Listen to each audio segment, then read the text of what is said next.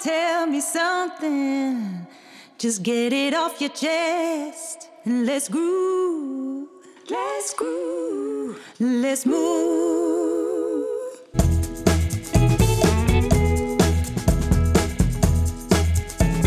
Astrid studeerde af in 1995 aan de ACTA in Amsterdam.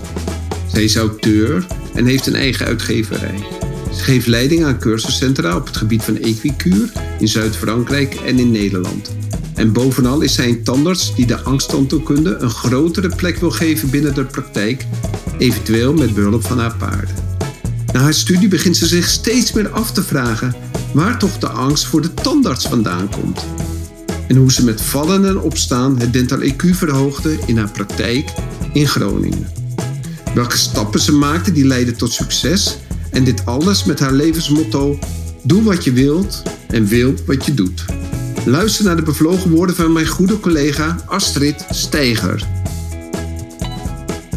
De Tandarts, Vrijheid en Meesterschap podcast. De podcast vol wijsheid, tips en tricks over communicatie, teambuilding, leiderschap en het marketen van goede tandheelkunde. En bovenal jouw opstap tot financiële vrijheid en jouw succes. Welkom bij de Tandarts, Vrijheid en Meesterschap podcast. Ik ben op weg naar een cursus. We vliegen op 30.000 voet. Het vliegtuig bonkt en schudt. De kist is loaded met mensen en koffers. De dames van de KLM doen hun werk. Ontspannen, snel en gedreven. Ze houden zich af en toe vast als er een luchtzak is. De stewardess, een brunette, prachtig in het lichtblauwe pak en met een dito cap, komt met een ring vol zelfvertrouwen op mij af. U gevraagde vegetarische maaltijd, meneer? Ik kijk verbaasd en zij moet lachen. Weer die lach met tanden als witte parels. Heerlijk die schone monden, denk ik. Hoe wist de stewardess dit nu? Er was mij nog niets gevraagd. Iedereen om me heen lijkt vegetarisch te zijn. De blonde vrouw op de stoel naast mij moet ook lachen. Ik zie haar witte slotjesbeugel. We maken kennis. Zij stelt zich aan mij voor als Astrid Steiger en is standaard. Ze is ook op weg naar de cursus. De cursusleiding heeft de vega's in een groepje bij elkaar gezet, zonder dat we dat wisten. Lekker makkelijk. Goed protocol. Come on and tell me something. Just get it off your chest and let's groove. Let's groove. Let's move. Astrid, hoeveel kilometer zitten we van elkaar af vandaag? Nou, Ron, ik denk dat dat richting de 1400 kilometer is. Ja, dat is toch wel veel, want jij zit in het eh, puntje, best een eind. puntje van Frankrijk tegen de Pyreneeën aan. Ja, dat klopt. En ik zit in eh, het andere boerenland, in Kokkengen. En eh, Ja. hoe ben je, Ja. hoe, hoe ben je eh, daar zo terechtgekomen? Is dat, is, is dat een droom? I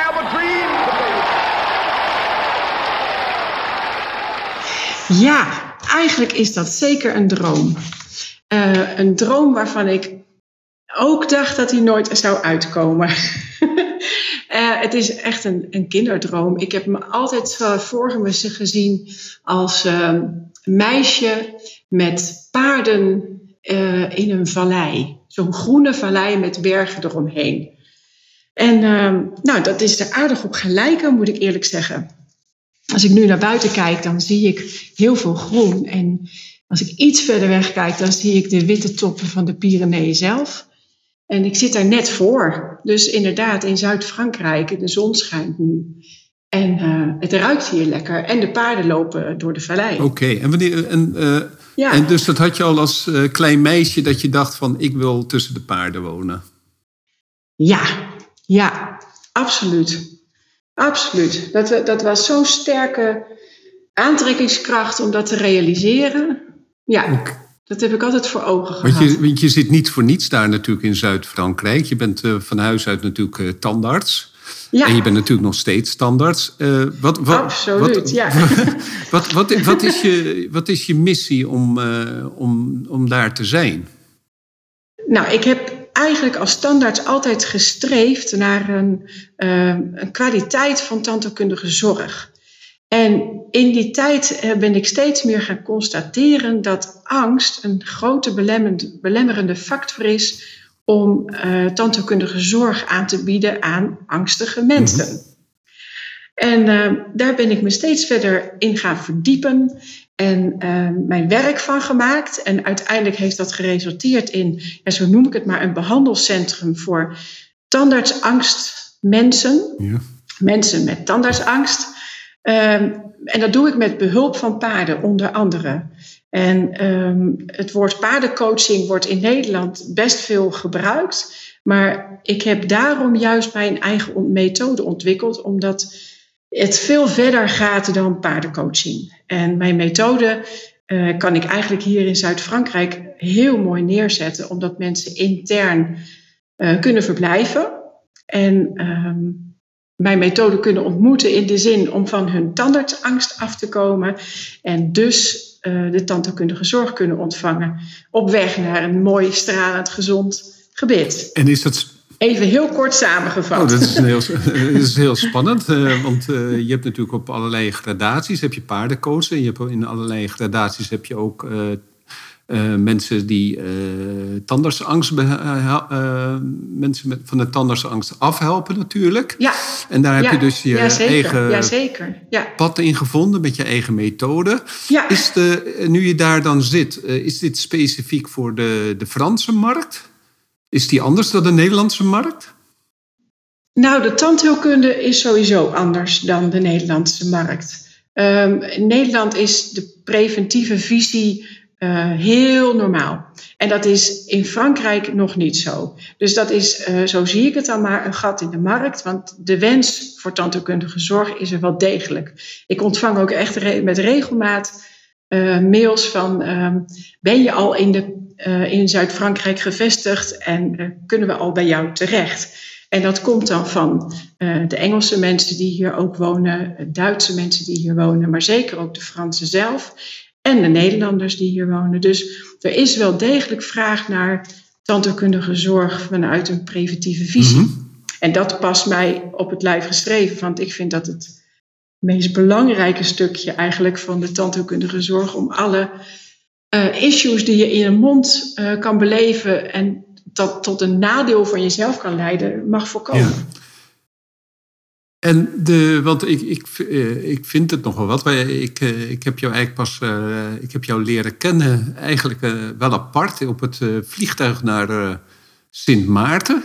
Sint Maarten, ja, zeker. En, Weet ik nog heel goed. En we zaten toen in het vegetarische clubje. Die hadden ze in het, in het, ja. in het vliegtuig bij elkaar gezet. En, Dus we zaten op de heen en de terugweg het. naast dezelfde mensen. Naast elkaar, ja, ja naast elkaar, ja. En, uh, met ons vega-broodje. Met ons vega-broodje, ja. en we kennen elkaar van, uh, ook van uh, Big Office. Daar heb je een, een tijdje in gezeten.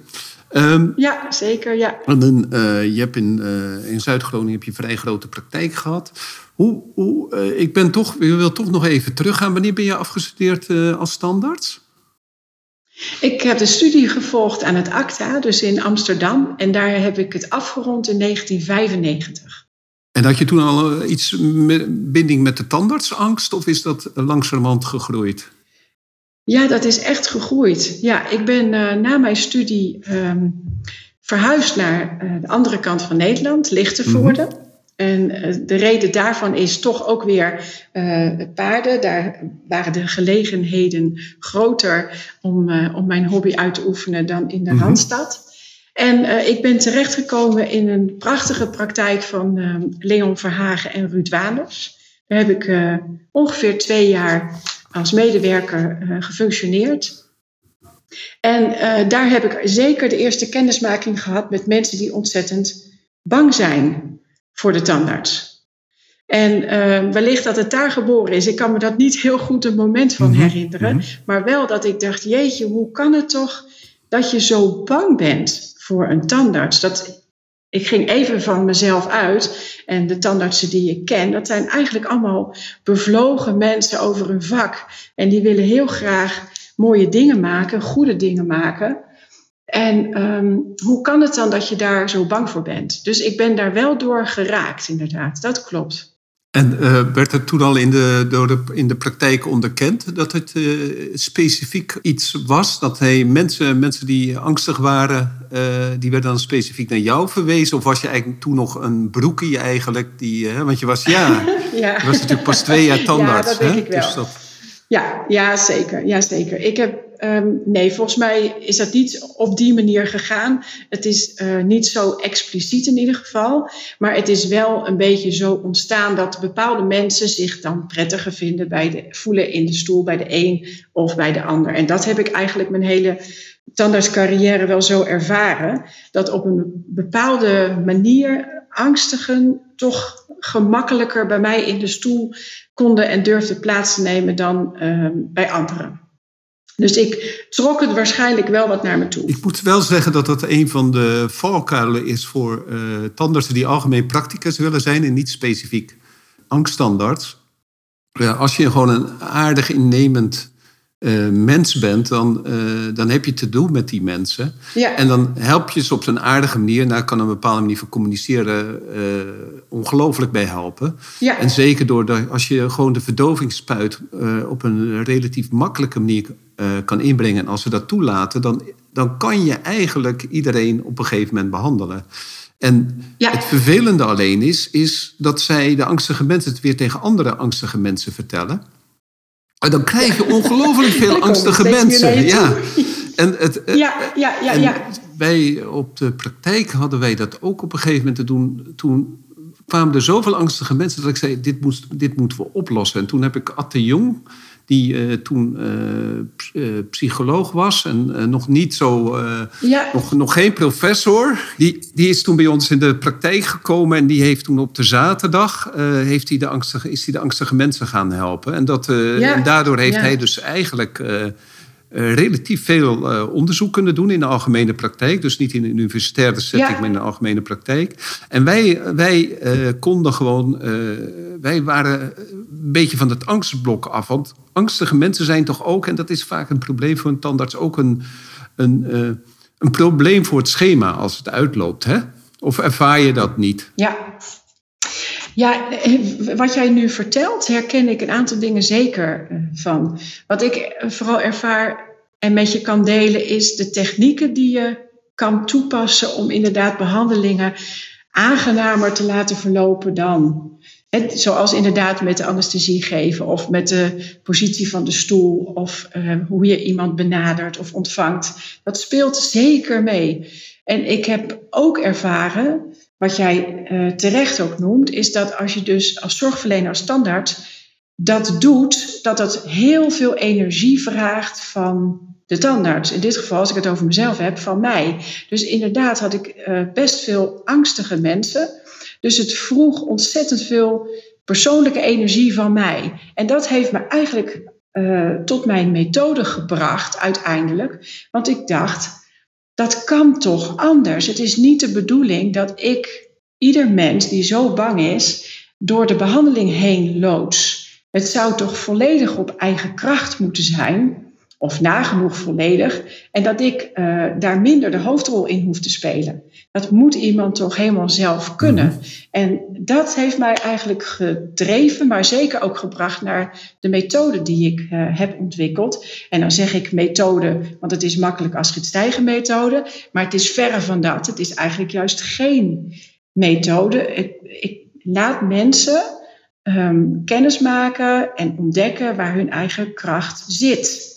Dus het is een heel persoonlijk stuk waar mensen uh, mee te maken krijgen, wat allemaal verscholen ligt onder die tandartsangst. Want er is zeker een groep, zoals jij dat noemt, die uh, door een aangename behandeling goed te behandelen is. Dat wil niet zeggen dat ze angstvrij zijn, maar wel goed te behandelen zijn. Het zijn wel twee verschillende dingen.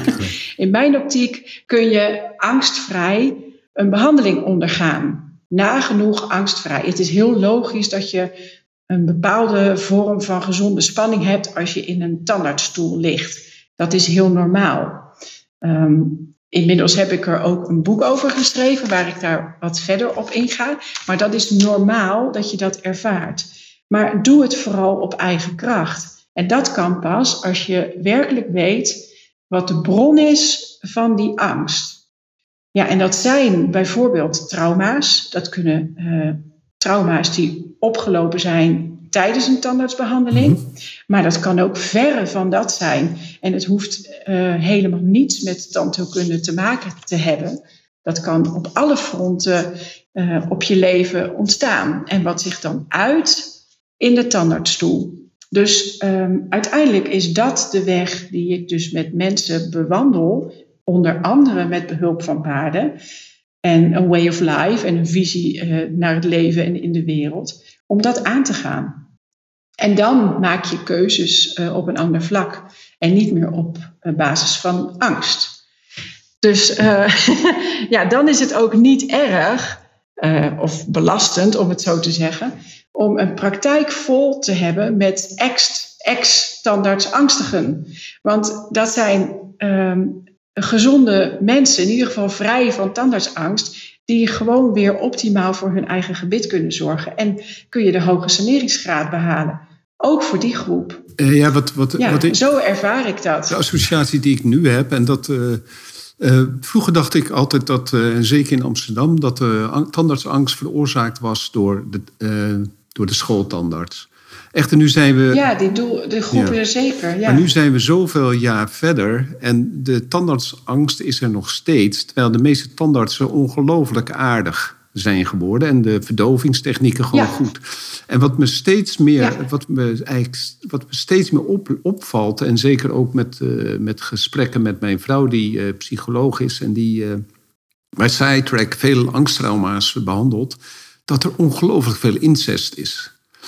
En, uh, ja. en ook veel mishandeling. En, uh, uh, en dat is iets wat ik denk dat wij als standaards ook wel een beetje wegstoppen dat we dat ook soms niet willen zien. Omdat als je dat wil zien, dan, dan kom je echt een beetje. Uh, ja, dan, dan, word je ook, dan word je echt zelf psycholoog of sociaal uh, behandelaar. Ja. En uh, dat vind ik zelf wel moeilijk. Want als je weet de, dat, welke kinderen zo angstig reageren, hoe reageren op dat moment de ouders, dat je soms denkt: dit klopt niet. En dat je dan uh, soms de vertrouwensarts belt. Maar als ik eraan denk hoe vaak ik een vertrouwensarts gebeld heb, is dat misschien vijf keer in mijn hele carrière. Ja. Maar dat zou hij misschien, misschien wel vijf keer per jaar moeten. Hoe, ja. hoe, hoe, denk jij daarover? Dat is een mooie vraag die je stelt. Um, hij is mooi en daar bedoel ik mee uh, interessant. Want het beschrijft eigenlijk dat er onder uh, nagenoeg elke tandartsangst een onderliggend probleem ligt. Um, en dat uit zich in een tandartsbehandeling. Dus het is wel degelijk uh, merkbaar en te observeren dat er van dat soort zaken spelen, zoals incest, misbruik, mishandeling. En als je dan inderdaad in de tandartsstoel uh, komt te zitten en de stoel gaat achterover, ja, dan dan krijg je eigenlijk al een hele andere positie ten opzichte van elkaar. En als er dergelijke problematiek een rol speelt, dan is die daar meteen. A la seconde, mm -hmm. zou ik mm -hmm. zeggen. En heb je dus te maken met een uh, angstige uh, patiënt. Ja, en die gradaties die zijn heel verschillend. De een kan zich daarin uh, in verzetten, de ander die gaat eigenlijk dissociëren, zoals het dan heet die is er even niet en die ondergaat die behandeling. En anderen raken volledig in paniek. En, en alles wat daartussen is.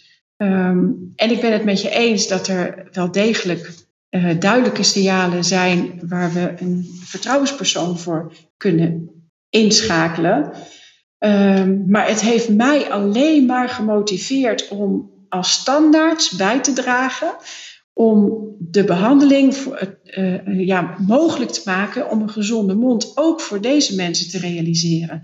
En dan moet je inderdaad voorbij gaan aan het niveau van tandarts, maar dan ga je kijken naar de volledige mens die in de stoel ligt of zit. Mm-hmm. Volledig. En uh, dat is niet alleen een mond, de mond is een onderdeel daarvan. En dat heeft mij altijd heel erg um, gedreven om een volledig persoon, die ook weer een heel eigen leven heeft daarbuiten die hele praktijk, uh, mee te nemen in het verhaal van tandartsangst. Want daar ligt volgens mij En dat blijkt ook wel uit de resultaten die ik gelukkig mag boeken met de methode de winst te halen om van die angst af te komen.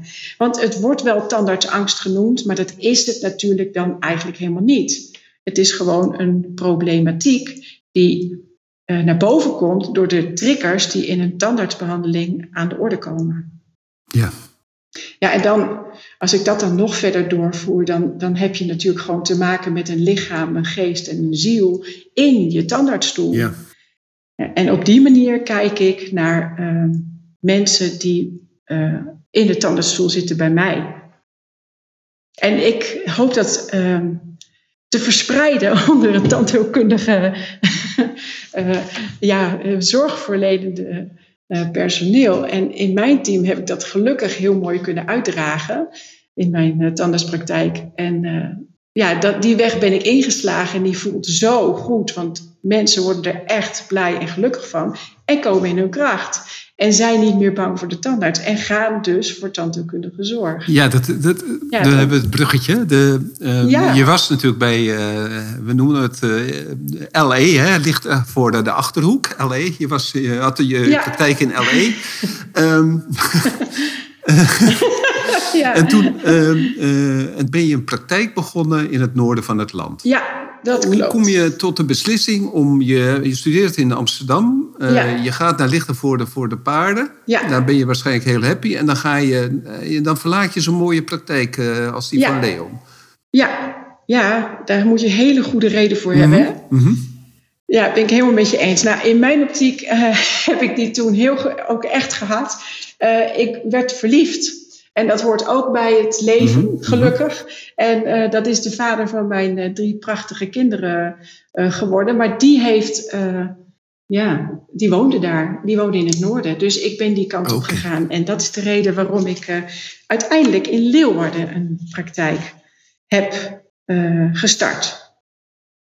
Oké, okay. heb je dat in je eentje ja, gedaan? Dus het leven. Ben je gewoon. Uh... Nee, daar ben ik. Uh, daar kwam ik ook wel weer zeker in een warm nest. En uh, dat was met Ilsjan Ploeg mm -hmm. en Hendrik Nijnhuis. En die twee hadden al jaren samen een maatschap. En ik mocht daarbij. En dat heb ik ruim tien jaar gedaan met heel veel plezier.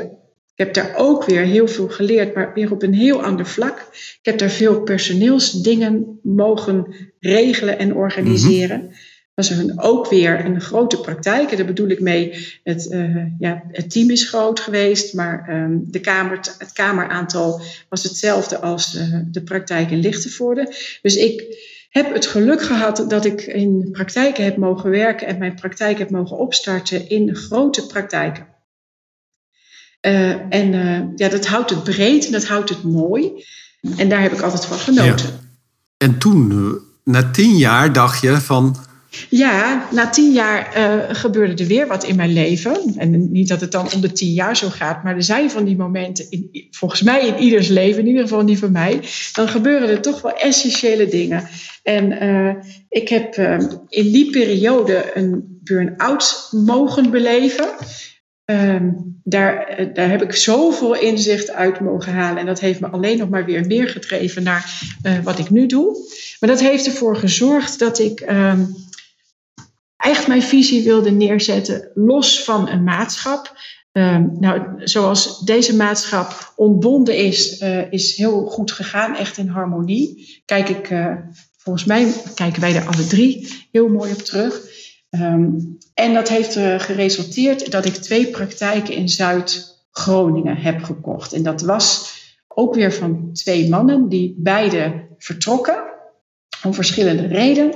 En die twee praktijken heb ik gekocht in december 2006. En die heb ik echt helemaal volgens mijn visie uh, neergezet. Er dus één van gemaakt. Uh, en um, preventief hoog in het vaandel gedragen.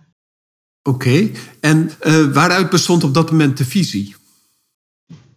Um, ja, het, is, het klinkt heel afgezaagd als ik het woord preventief noem. Maar ik bedoel hem echt heel breed. En dan bedoel ik niet alleen preventief in je mond, Maar ook buiten je mond. Hoe zorg je überhaupt voor jezelf? Hoe sta je in het leven? Welke rol speelt jouw mond in jouw leven? Uh, lach je? Laat jij je tanden zien? Uh, nou, bijt je van je af? Nou, noem het maar op. Dus in alle opzichten preventief. En ik moet eerlijk zeggen, wat ik nu allemaal noem, dat was natuurlijk niet op dag één in die praktijk al aan de orde. Ik heb in die praktijk me heel erg gericht op uh, het saneren en op voorlichting en uh, gezonde monden maken. En die praktijk heb ik uh, mogen neerzetten op die manier, omdat ik die gelegenheid kreeg van de mensen die ervoor openstaan. Mm -hmm. Maar het was niet makkelijk, zal ik je zeggen, want uh, daar stonden ze zeker niet allemaal voor open. Everybody get down! It's about to get real in here. Uh, wat bedoel je precies uh, dat niet iedereen ervoor open stond? Um, nou, um, ik probeer een beeld te scheppen. Um, het, is een, het zijn twee mannelijke tandartsen geweest die daar al jaren en dag hun praktijk hebben gevoerd. Op basis van hun visie. En dat was dan voor, vooral restauratief en pijnklachten oplossend. Uh, in die trant mag je dat scharen. En, ja, en dan kom ik, een vrouw die twee praktijken koopt en daar één van maakt, een hele grote verbouwing doet, omdat dat met goede looplijnen en een goede organisatie wilde ik dat uh, neerzetten, zodat uh, je geen aandacht en tijd en energie verliest aan dingen die niet werken. Ik wil heel graag mijn tijd, aandacht en energie aan de patiëntenzorg besteden. Dus ik heb dat best wel grondig aangepakt. En um, dan ga ik om uh, zeven uur open als praktijk zijnde. Dus zo tien voor half acht komen de eerste patiënten binnen. En dan, uh, nou, ik heb bijvoorbeeld de hele periodes in shifts gewerkt tot negen uur. Daar hadden we best een groot team. Dus het was een hele grote metamorfose. En als we dan gaan praten over zaken die in een mond van die patiënt aanwezig zijn, dan waren dat heel vaak dingen die mensen toch niet hebben geweten -hmm, en het allemaal voor het eerst horen. Een pocketzonde. Nou, hoe haal ik het in mijn hoofd dat ik daarmee iets in de mond doe? Voor mij is dat zo gewoon, zo gewoon. Ik weet niet beter vanuit mijn studie dat ik bij iedere patiënt uh, uh, dat meet en kijk. En ik doe altijd een slijmvliesronde en ik doe een dentitieronde. Ik doe drie rondes altijd bij elke controle. Nou, de mensen wisten niet wat hun overkwam. Ik combineer altijd mijn afspraken met preventiebehandelingen en mondhygiënistenbehandeling, afhankelijk van de score. Mm -hmm. En dat betekent dat ik dus altijd. Um, voorafgaand even kijk, maar zeker aan het einde kijk. Want dan kan ik een hele goede controle doen in een schone mond. Nou, dat, is, dat was een, uh, ik zou bijna zeggen, cultuurshock voor de, uh, het patiëntenbestand.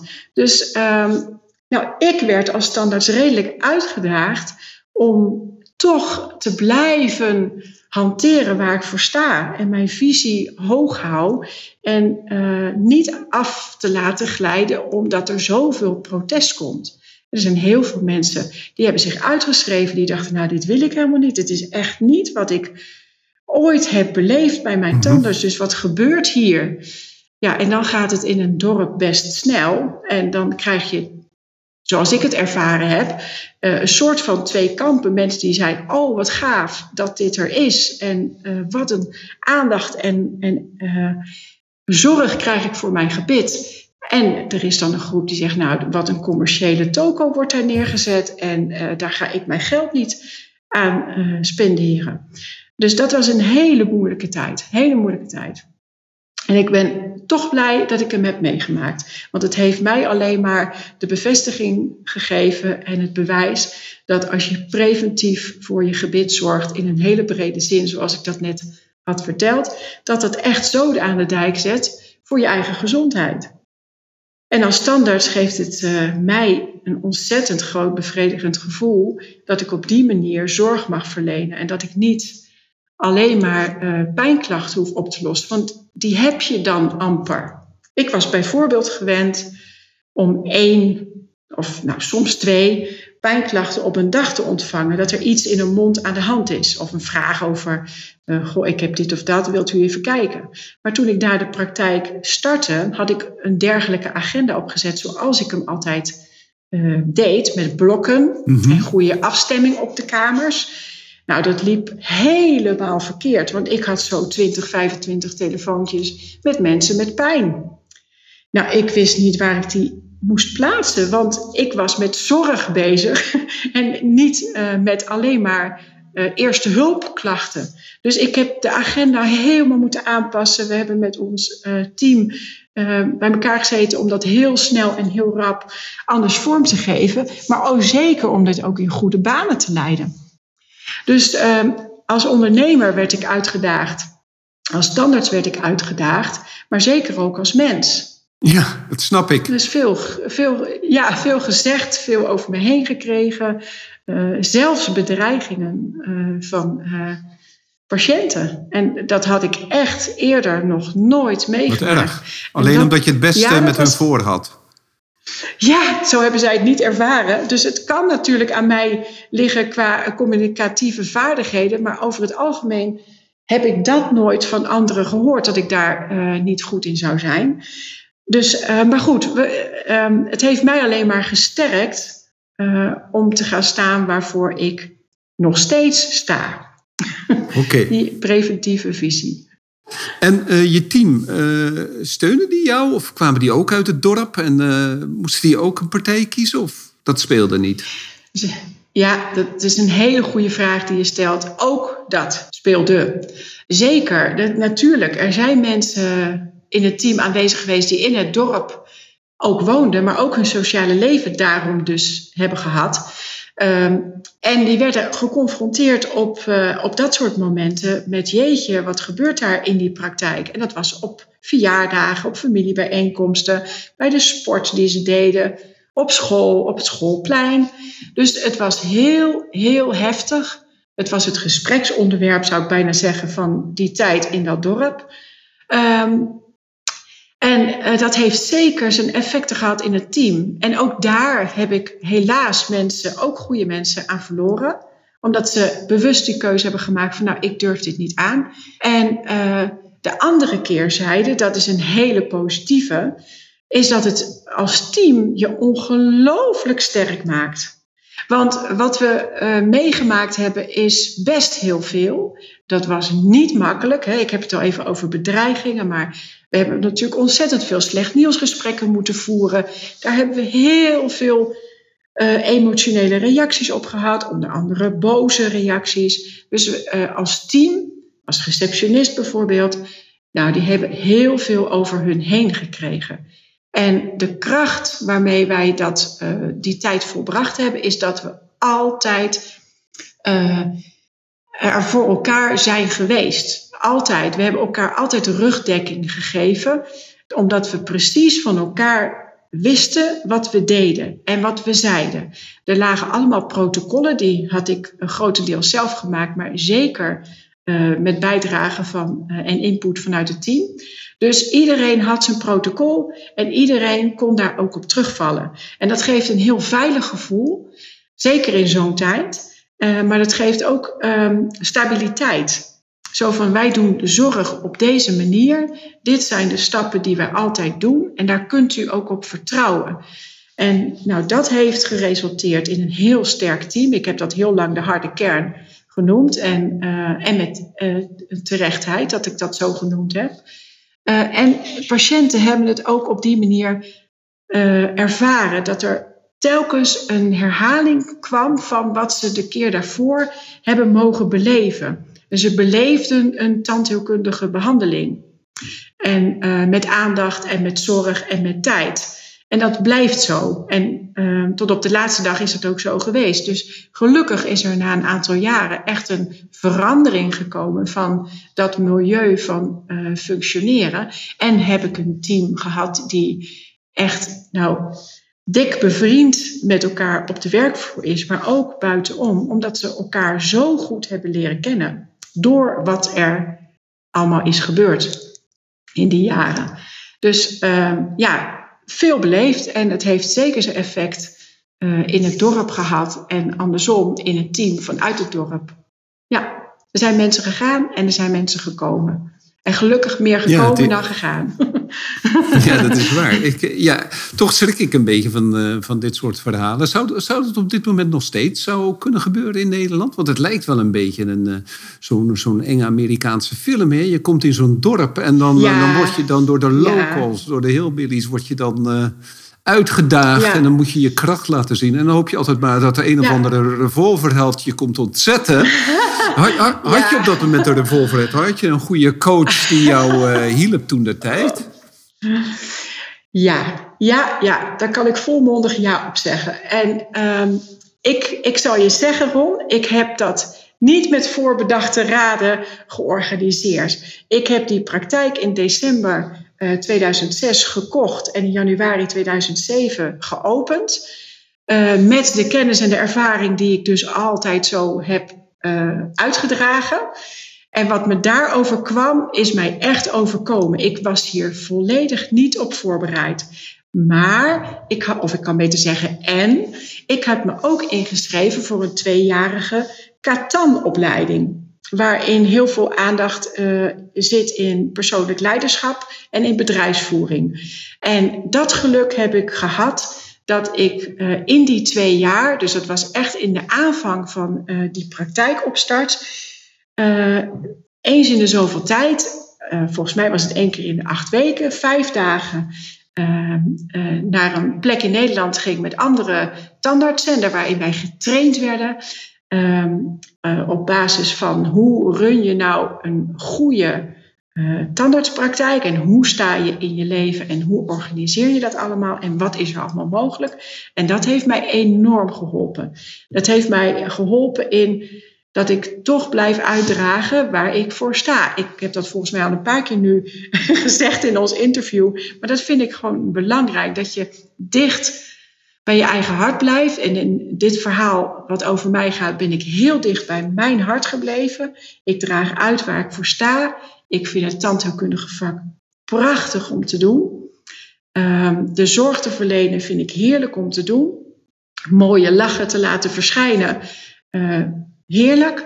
Uh, en ja, dat het dan op deze manier zo tot stand heeft moeten komen, ja, dat is ook wel een soort levensles voor mij. Maar ik hoop ook voor al die mensen die dat uh, als patiënt met mij hebben doorgemaakt. Ja, ja. Want die hebben daar volgens mij ook hele grote ontdekkingen uh, mee gedaan over hun eigen gebit. En dat ze dus wel heel blij mee met de eigen tanden en kiezen kunnen zijn. Maar die Katan-opleiding waar ik naar verwijs, ja, dat heeft mij zeker door die eerste periode goed geholpen. Ja, Katan ja. is de, de opleiding van uh, Rolf Milo en uh, Nico Bezuur. Ja, Nico en, Bezuur, ja, Aad, twee trainers. En Aad was ja. er ook in het begin nog bij, hè? Ja, die heb ik ook nog ontmoet. Die, ja, die dat deed klopt. het economische gedeelte. Ja, um, klopt precies. En het was in de Hamermolen een heerlijke, prettige omgeving. Ik heb, Fantastisch, ik heb zelf ja, daar aan het bos. ook nog wat cursussen van Nico gedaan, de doorbraak en uh, zo. Mooi. En, uh, ja, ken ik ook. Ja. Zeker aan te bevelen. Ik begrijp dat Nico de laatste tijd weer heel langzaam aan het opstarten is. Dus ik kan dat iedereen aanbevelen oh, om de doorbraak ja, daar te doen. ben ik helemaal met je eens, Ron. Ja, zeker. Um, wat was het belangrijkste systeem, de belangrijkste systeemverandering die je in je praktijk toen hebt doorgevoerd?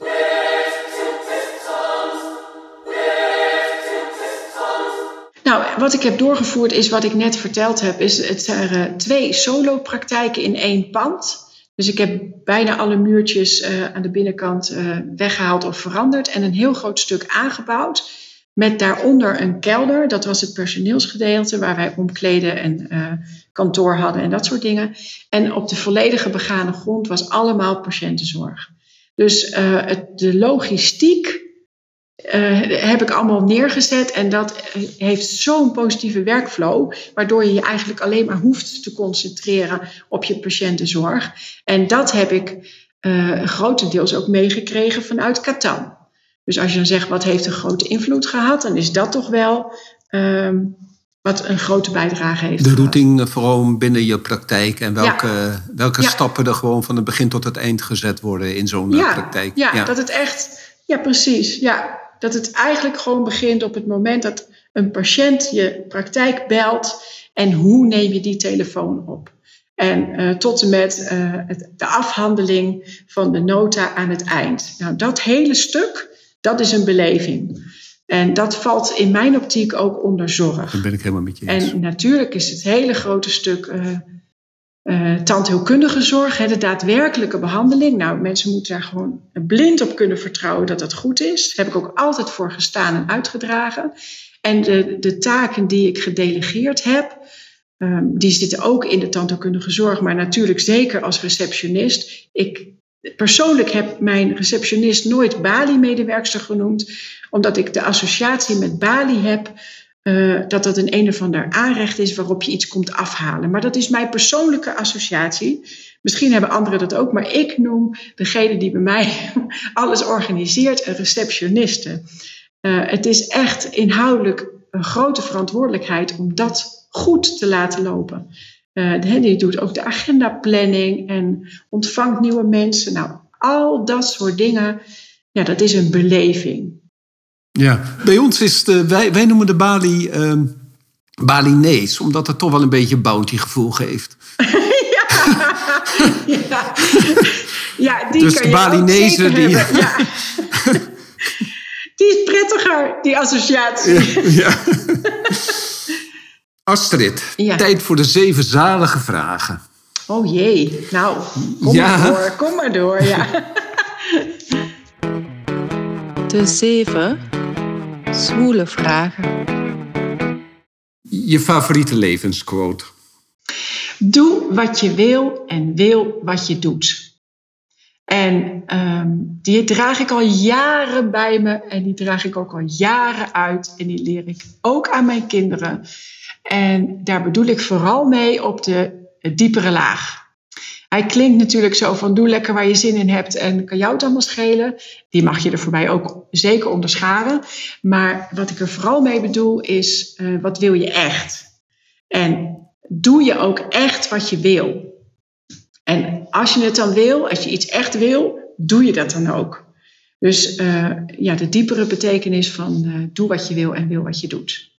Dat, Dat is is mooi. één eh, die ik altijd meedraag. Dat is een mooie. Dank je wel. welk, boek le- welk boek lees je nu? Ja, het is een boek eh, zonder verhaal. Het is een boek over acupunctuur. Iets wat ook zeker mijn interesse heeft. Ik heb ook een jaar eh acupunctuurlessen gevolgd. En eh, dat is ook zo interessant. Dus deze ben ik aan het doorlezen. En het is van eh, Koen van der Molen. Dus een arts die hem heeft geschreven. Ja, en wat mij dan natuurlijk weer het meest triggert, is het, het deel over het gezicht. De gezichtspunten die eh, op je voorhoofd, op de brug van je neus eh, te vinden zijn. En hoe je dat kan stimuleren en dat dat dan een effect heeft op het hele lichaam. Dus dat ben ik zeker aan het lezen en dat vind ik interessant. Ik kijk gewoon graag breed naar, eh, naar de dingen zoals een mond. En, en, en, en lopen de patiënten de kans eh, dat je ze even bij de neus grijpt en dan op hun drukpunten. Nee, dat lopen ze niet hoor. Nee. Ik grijp ze niet zomaar. Nee.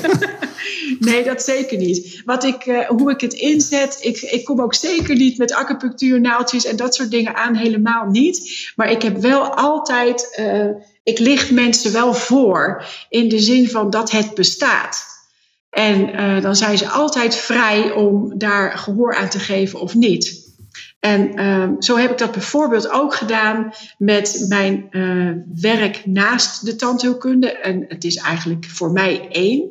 Maar ik heb nog een bedrijf, dat is D-Range. En waarin ik dus eh, mensen van hun tandartsangst af help of minimaliseer. Eh, maar zeker ook eh, mondafwijkingen of eh, mondgewoonten, afwijkende mondgewoonten, kan behandelen op een andere manier dan tandheelkundig meestal wordt gedaan. Dus Mhm. als mensen met ehm, afwijkende mondgewoonten komen, dan noem ik dat ook altijd. Dan zeg ik altijd, nou, hier in de tandheelkunde is dit de behandeling die voorgesteld wordt, die past bij deze klachten. Maar over het algemeen zijn afwijkende mondgewoonten ehm, uh, wordt er door iets veroorzaakt. Die bron ligt heel ergens anders. En dan bied ik ze altijd de mogelijkheid aan om naar D-Range te komen. Dat is dus ook de reden waarom ik dit nu in Zuid-Frankrijk aanbied. Want dan kun je echt komen en echt blijven en het aangaan. En dan kom je bij de bron van dat soort klachten. Uh, en los je dus uh, de symptomen op. Want dat zijn eigenlijk die afwijkende mondgewoonten. Dus ik kijk heel breed, tenminste, ik noem het maar breed, met ik weet niet of het breed genoeg is, maar in ieder geval, ik kijk verder dan de mond, verder dan je neus lang is, als je daar uh, naar wil grijpen, zoals je net zei. Uh, maar ja, er zitten zoveel drukpunten op een gezicht waarmee je uh, dingen in je lichaam kan verhelpen of weer kan voorkomen. En zo ook bij, bij paarden in het leven, ja, dan, dan kijk je gewoon zo anders naar tandheelkundige issues. En Mhm. ja, daar, daar, dat vind ik gewoon prachtig om te doen. Dus uiteindelijk is daar uh, mijn equicuur uh, door ontstaan. En dat is mijn equicuurtherapie die ik geef. En daar heb ik al dit soort dingen ondergebracht. En is dat dan, dan komen ze dan in Nederland naar, eh, naar de, de, de vestiging of gaan ze dan naar de vestiging in Frankrijk? Ja, die keuze is er. Die keuze is er. Ik heb het dus altijd in Nederland uh, op de vestiging gedaan in Nieuw-Rode. En die is er ook nog. Dus eens in de zoveel tijd ben ik daar. En eens in de zoveel tijd ben ik in Zuid-Frankrijk. En het kan op beide locaties. Het grote verschil is dat het in Nederland uh, een bezoek is op een dag. En dan gaat iemand weer weg. En in Zuid-Frankrijk verblijft iemand echt. Die kan bijvoorbeeld een week komen en dan gaan we dat uh, veel uh, groter nog aan, zeg maar. Dat is het grote verschil. Maar op dit moment hebben we natuurlijk te maken met de wereldsituatie en alle lockdowns die om onze oren vliegen. Dus ik ben op dit moment wat vaker in Zuid-Frankrijk dan in Nederland. Maar het kan op beide locaties. Oké. Okay. Ik heb me geschoold als regressie- en reïncarnatietherapeut. En dat is ook een groot deel van uh, uh, wat ik aanbied op beide locaties. Dus ik heb daar me volledig mijn eigen methode van gemaakt. Dus ik zet in wat nodig is. En uh, grotendeels op geleide van wat zich aandient en hoe de paarden zijn en hoe ze reageren. Maar het is ook weer een hele beleving om mee te maken. En het is effectief en het resulteert in, in mooie dingen. Ja, bijzonder. Um, ja. Voor jou is het natuurlijk, uh, je ziet het helemaal voor je. Voor jou het is een video die afspeelt. En, uh, ja. uh, voor, ik moet af en toe denken van waar is de videorecorder natuurlijk. Want ik, ik, ik kan Ja. het niet, voor, niet helemaal goed voor me zien hoe je, hoe je dat doet. Maar volgens mij, je hebt een heel mooi boek geschreven. En, uh, en ik heb het eerste hoofdstuk gelezen. Daar komt het natuurlijk ook heel erg in, uh, in terug. Het boek uh, ziet er prachtig uit. Dank je wel. Dus ik kan uh, iedereen ja. aanbevelen om dat, om dat, zeker als je van paarden houdt, uh, om, dat, om die, die prachtige foto's van jou en je omgeving en je paarden te bekijken. Ja, leuk. Ja, en het is interessant voor veel. En ja. het grappige is, welk boek lees je nu? Vroeg ik maar, wat is dan het boek dat elke ondernemende tandarts gelezen moet hebben? Niet je eigen boek.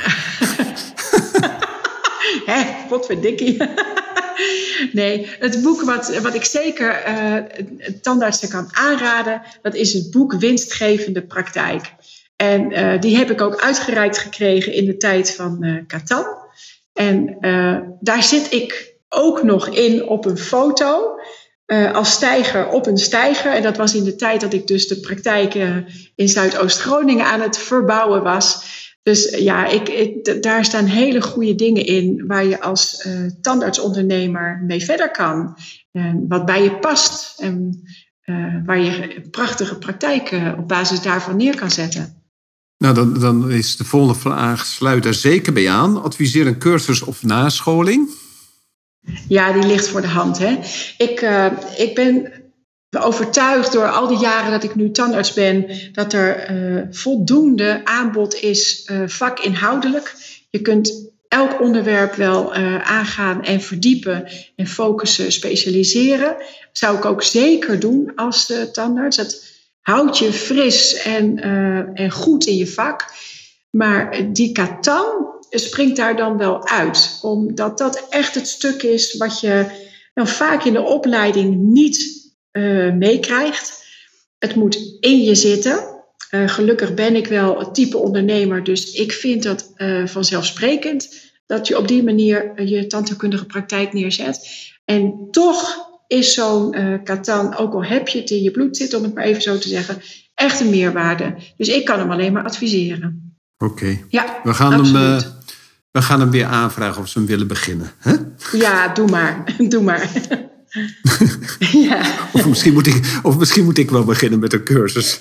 ja, dat zou nou, wel goed zijn. Ja, waarom ook niet? Ja, waarom ja why not? Ja, want ik, eh, nou, het, jij, jij zegt dat nu en ik heb er natuurlijk best heel veel aan gehad. En ehm, als ik dan uh, uh, Connecting the Dots doe, dan denk ik ook op dit moment van, nou, ik heb het boekje liggen, ik heb mijn methode, ik ben tandarts. Er zijn ontzettend veel angstige mensen voor de tandarts, maar er zijn ook ontzettend veel issues en klachten in ieder mensenleven. Uh, ik, ik speel zeker met de gedachte om een, een opleiding of een workshop of een cursus heel specifiek voor tandartsen te organiseren. Om op deze manier naar je patiënten en naar je bedrijf te kijken. Dus uh, ja. ja. die speelt. Dus uh, wie weet, heb, we hebben in ieder geval een prachtige locatie hier. Nou, ik denk, ik... En alles is er. Ik denk dat, dat, dat de locatie zeker een groot, groot onderdeel zal zijn van de beslissingsboom van een tandarts. Ja, dus, ja. dus de belangrijkste, een van de belangrijkste dingen heb je dan geregeld. Nou, klaar. ja, ja, absoluut. Ja, ja, ja, ik hoef dus alleen maar de deur open te doen en het is er. Ja. ja. Um, een analogie of een verhaal dat je jouw patiënt vertelt om iets duidelijk te maken. Um, ik heb dat niet kant en klaar altijd hetzelfde verhaal, omdat mensen niet hetzelfde zijn. Dus uh, ik heb me altijd verdiept in uh, wie er in de stoel zit voor me en wat belangrijk voor ze is. En daar heb ik het op uh, betrokken of mee vergeleken, zodat ze voor hun het kunnen snappen. Zo heb je, zoals je net zelf al zegt, van ik heb beelden nodig om het voor me te zien. Nou, dat, dat, daar zijn natuurlijk heel veel mensen van die hebben beelden nodig. Maar er zijn ook mensen die het in handen moeten hebben. Of mensen die uh, de ervaring voor zich moeten zien. En dat heb ik altijd ingezet. Dus ik heb niet een standaard verhaaltje. Dat past mij niet. En dat past patiënten volgens mij ook niet. Heel goed. Welke drie dingen zou je een startende of studerende collega adviseren in het begin van zijn carrière? Ja, nou, de een heb ik net al gezegd. Dus kijk, uh, kijk ook zeker hoe je je bedrijf neerzet, zodat je daar geen zorgen over hoeft te hebben en dat je je kan, kan concentreren op je zorg die je verleent. Dus uh, een, een degelijk stabiel pand qua looplijnen, qua materiaal. Ik heb ook nooit bezuinigd op materiaal, nooit bezuinigd op stoelen, dat soort dingen. Dat, uh, dat, vind, dat moet je op kunnen vertrouwen en dat moet altijd voor je klaarstaan. Dus dat is een belangrijk punt zoals ik er naar kijk. En dan zou ik mee willen geven van kijk echt breed. Out of the box. En kijk vooral over grenzen die anderen bedacht hebben. Want um, dat is niet per definitie een grens. Die vind ik ook altijd een belangrijke. En um, ja, de derde die ik, uh, dat specifiek tegen tandartsen, maar dat geldt eigenlijk voor iedereen. Je bent onderdeel van alles. En alles is onderdeel van elkaar en alles heeft met elkaar te maken. Dus um, blijf niet eenzaam op je eilandje zitten als tandarts. Maar deel je gedachten, deel je ideeën. Um, en soms komt er gewoon uit onverwachte hoek iets aan waarvan je denkt: oh yes. Nou, als je altijd maar stil bent en het niet kenbaar maakt, uh, dus eigenlijk alleen de dingetjes doet, dan hou je het ook op dat niveau. Dus uh, je bent onderdeel van alles en betrek dat ook maar weer groot. Maak kenbaar wat je wil en hoe je het voor je ziet en waar je naar verlangt, wat je belangrijk vindt. En dan gaat de flow wel uh, stromen. Mooie afsluiting, uh, Astrid. Alsjeblieft. Um, had jij nog iets toe te voegen over hetgeen uh, wat we besproken hebben? Of heb je nog iets te vertellen over je cursus? Kan je Ja, de luisteraars nog iets aanbieden? Of... Ik zit inmiddels op het puntje van mijn stoel. Uh, want dit is denk ik uh, wat ik leuk vind om, uh, om aan te bieden. In 2021 start ik, of open ik eigenlijk mijn opleidingscentrum vanuit D-Range. Ik heb al wel allerlei kleine workshops gedaan, of gegeven moet ik eigenlijk zeggen. En um, op dit moment open ik uh, de Equicuur coachopleiding en de Equicuur therapieopleiding. En de mensen die deze podcast hebben geluisterd en begrijpen hopelijk op basis hiervan de diepgang die achter tandheelkunde zit en daar nieuwsgierig naar zijn om op die manier uh, coachvaardigheden te ontwikkelen of zelfs toe te passen als therapeut. Nou, die nodig ik uit voor deze opleiding en die geef ik dan 5% korting op de totale prijs. En natuurlijk het boek wat ik geschreven okay. heb. En nog even de naam van het boek, want dat hebben we nog niet genoemd. Die heet Zwarte Parels, Witte Tanden. En als subtitel staat Als hoofd, hart en ziel samenkomen in één lichaam. Ja, en mond is daar een groot onderdeel van. Dat zijn de witte tanden. En wat waren de zwarte parels? De zwarte parels zijn, uh, nou dat is mijn voorliefde voor het Friese paard. Die is natuurlijk prachtig uh, gitzwart. Maar die worden ook wel zwarte parels genoemd. En um, het parel op zich is al schitterend. En uh, ik vind het zeker als paard. Dus met die zwarte parels uh, vind je de weg naar je eigen witte tanden. Dus naar je lach. Je interne lach, niet te vergeten. Maar zeker ook je externe lach. Astrid, een hele mooie afsluiting. Dank je wel. Ik vond het een heel leuk gesprek. Ja, en, uh, ja wederzijds. Ik, heb, uh, ik heb veel geleerd. Oh, en, uh, dat is mooi om te horen, leuk. Astrid, dankjewel. Uh, we zien elkaar ja, dan in uh, Zuid-Frankrijk, toch? Nou, dat is afgesproken. dat gaan we zeker doen. En dan naast het vega broodje een, uh, lekker op het zonnige terras.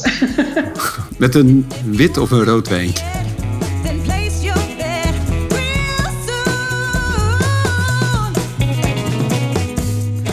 Super dat je weer luistert naar een aflevering van de Tandersvrijheid en Meesterschap podcast. Ik zou het zeer op prijs stellen als je een review achter zou laten.